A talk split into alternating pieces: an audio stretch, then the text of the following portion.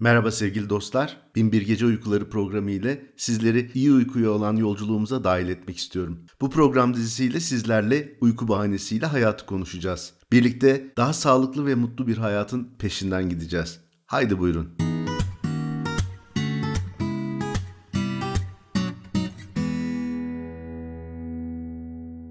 Merhaba sevgili dostlar. Bugün İngilizce'de wellness ya da well-being olarak adlandırılan, Türkçe sağlık ve mutluluk esenlik gibi sözlerle çevrilebilen bir kavramdan bahsedeceğiz.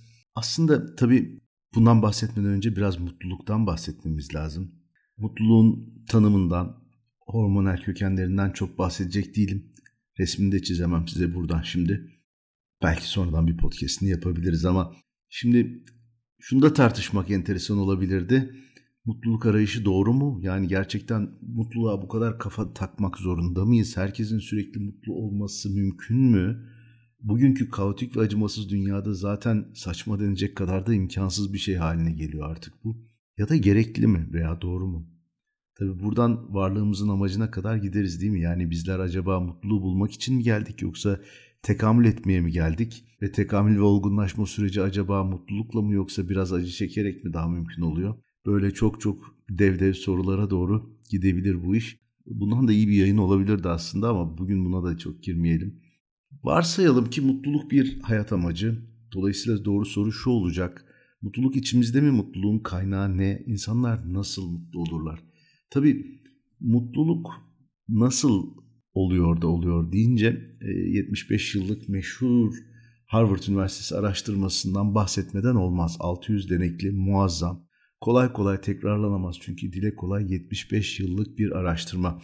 Bu araştırma deneklerin tabii çoğunun ölmesine rağmen onların çocuklarıyla devam ediyor, kalanlarla devam ediyor. Her yıl katılımcılara hem vücut hem de zihinsel sağlıkları, mutluluklarıyla ilgili soru setleri doldurtmuşlar. 2015 gibi de bunlar yayınlanmış. Açıkçası beklenen bir sonuç ama yine de çok çarpıcı. İnsanı para, pul, şöhret mutlu etmiyor başkalarıyla mesela eşlerinizle, arkadaşlarınızla, ailenizle, toplumla güvene dayalı iyi ilişkiler kurmak sizi mutlu ediyor. Zihinsel ve vücut sağlığınızı da pozitif etkiliyor bu iyi ilişkiler. Ömrünüzü uzatıyor. Buna karşılık kötü ilişkiler, toksik ilişkiler mesela problemli bir evlilik bir boşanmadan daha fazla ömür törpüsü çıkmış mesela. Bizim başkalarıyla güvene ve sevgiye dayalı ilişkiler kurmamız esas sonuç olarak. Yani sevgi esas arkadaşlar.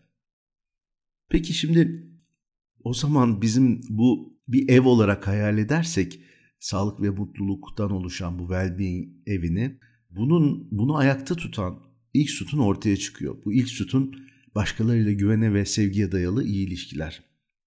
Tabii bu biliyoruz ki ilişkiler ruhu etkiliyor, ruh sağlığını etkiliyor. Ruh acı çekerse beden de bunun bedelini ödüyor. Dolayısıyla beden sağlığını da etkiliyor. Şimdi beden sağlığından da biraz bahsedelim isterseniz. Çünkü bu da diğer iki sütunu oluşturmamızı sağlayacak. Konu sağlık olunca tabii şundan bahsetmeden olmaz. Son 150 yılda insan hayatı değerli dostlar 30 yıldan ömrümüz 80 yıl ortalamaya çıktı. Müthiş bir e, ilerleme.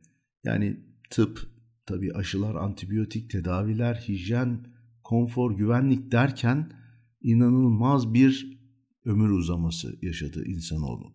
Fakat tabii bu ömür uzamasıyla birlikte hastalıklar ortadan kalkmadı. Tam tersine ileri yaşlarda çıkan bir takım başka hastalıklar söz konusu oldu. Bunlar daha çok metabolik hastalıklar diye adlandırılan yani kalp damar, şeker hatta belli tür kanserler belli, belki Alzheimer da biraz bununla ilişkili olarak görülüyor. Her şey metabolizmaya bağlı. Dolayısıyla bu bu işi toparlamak için de diğer iki sütunu çok düzgün inşa etmek lazım. Bu sütunlardan bir tanesi hiç kuşkusuz beslenme. Günümüzün dünyasında işlenmiş gıdalar, düzgün beslenemeyen milyonlarca insan, şeker ve genel olarak karbonhidratların yarattığı aşırı metabolizma problemleri, gıdaların GDO'lu olması, tarım ilaçları, kirlenme derken sizi çok bunaltmayayım ama yani iyi beslenmek için ciddi bir mücadele verilmesi gerekiyor. Özellikle metabolik hastalıklara sebep olan insülin direnci, karaciğer yağlanması gibi şeylerin önünde de sadece beslenme çözümü var şu anda elimizde. Tabii sırf bu da değil. Bununla birlikte bir diğer sütundan da bahsetmemiz lazım. Bu da aktif, dinamik, sportif bir hayat. Hareket demek yaşam demek. Hepimizin hayatında bir şekilde spor olması lazım bence. Özellikle pandemi sırasında evlere hapsolduğumuz dönemde hareketin önemini anladık değil mi? Yani aslında sırf dışarıda olmak bile bizi ne kadar hareketli yapıyormuş. Ama aynı dönemde aslında spor yapmanın bir tane matın üstünde kendi vücut hareketleriyle de yapılabilecek bir şey olduğunu da gördük. Ben açıkçası en aktif dönemlerimden birini yaşadım o kapanmalar sırasında. Dolayısıyla aslında bizim pahalı spor kulübü üyeliklerine ihtiyacımız yoktu. Kendi vücut ağırlığımızla da spor yapabileceğimizi öğrenmiş olduk. Ben tabii imkanı olanlar için orman yürüyüşlerini tavsiye ediyorum mesela. Japonların Shinrin Yoku dediği yani orman banyosu dediği ormanda yapılacak yürüyüşler müthiş. Ben şahsen bir orman ve doğa aşığıyım. Meşe ormanlarına özellikle meşe ağacına bayılıyorum.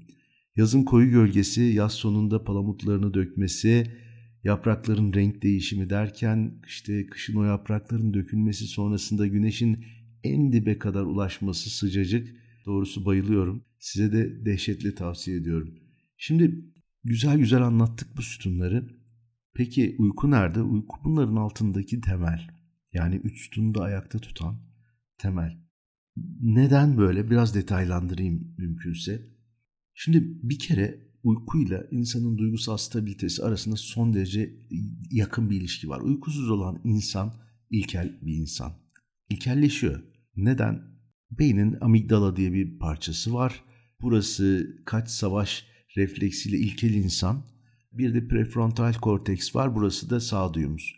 Uykusuz insanda e, amigdala prefrontal korteksi baskılıyor ve idareyi ele alıyor. Sabırsız, tepkisel, kavgacı bir insana dönüyoruz. Bir sosyal deney yapılmış.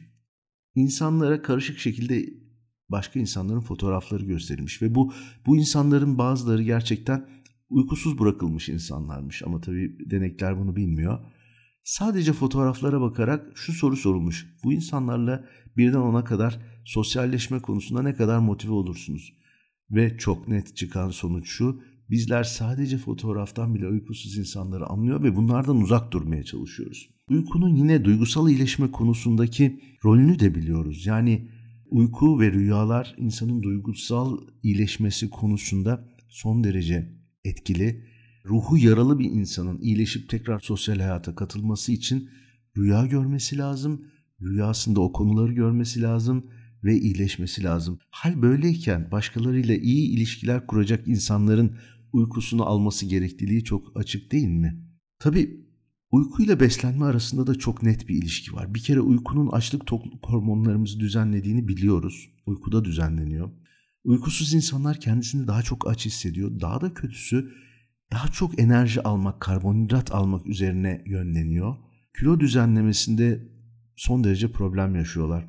Uyku aynı şekilde hareketliliğe de etkili. Uykusuz insanın bedensel enerjisi düşük oluyor. Kolunu kıpırdatacak hali olmuyor ki kalksın, yürüsün, koşsun, spor yapsın. Güç olarak da zaten tam kapasiteyle çalışamadığını biliyoruz.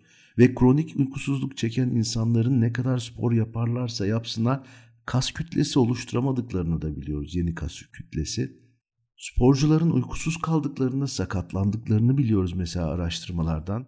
Yani aslında kendimiz de uykumuzu düzgün alamadığımızda aktif bir moda giremediğimizi biliyoruz.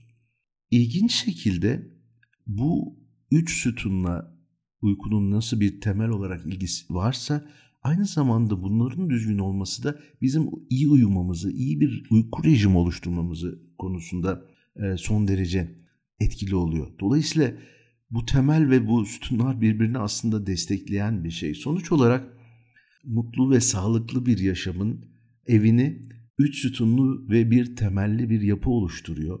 Bu üç sütun iyi ilişkiler, aktif bir yaşam, iyi beslenme, temelde uyku. Aslında her şey bunlar arasındaki bir e, pozitif sarmal ve pozitif bir ilişki, güzel bir dengeden geçiyor. Biz bu podcast serisiyle işte sizlere bu dengeyi buldurmaya çalışacağız. Birlikte bunu keşfetmeye çalışacağız. İyi uykunun sihirli gücü üzerinizde olsun diyorum. Hoşçakalın.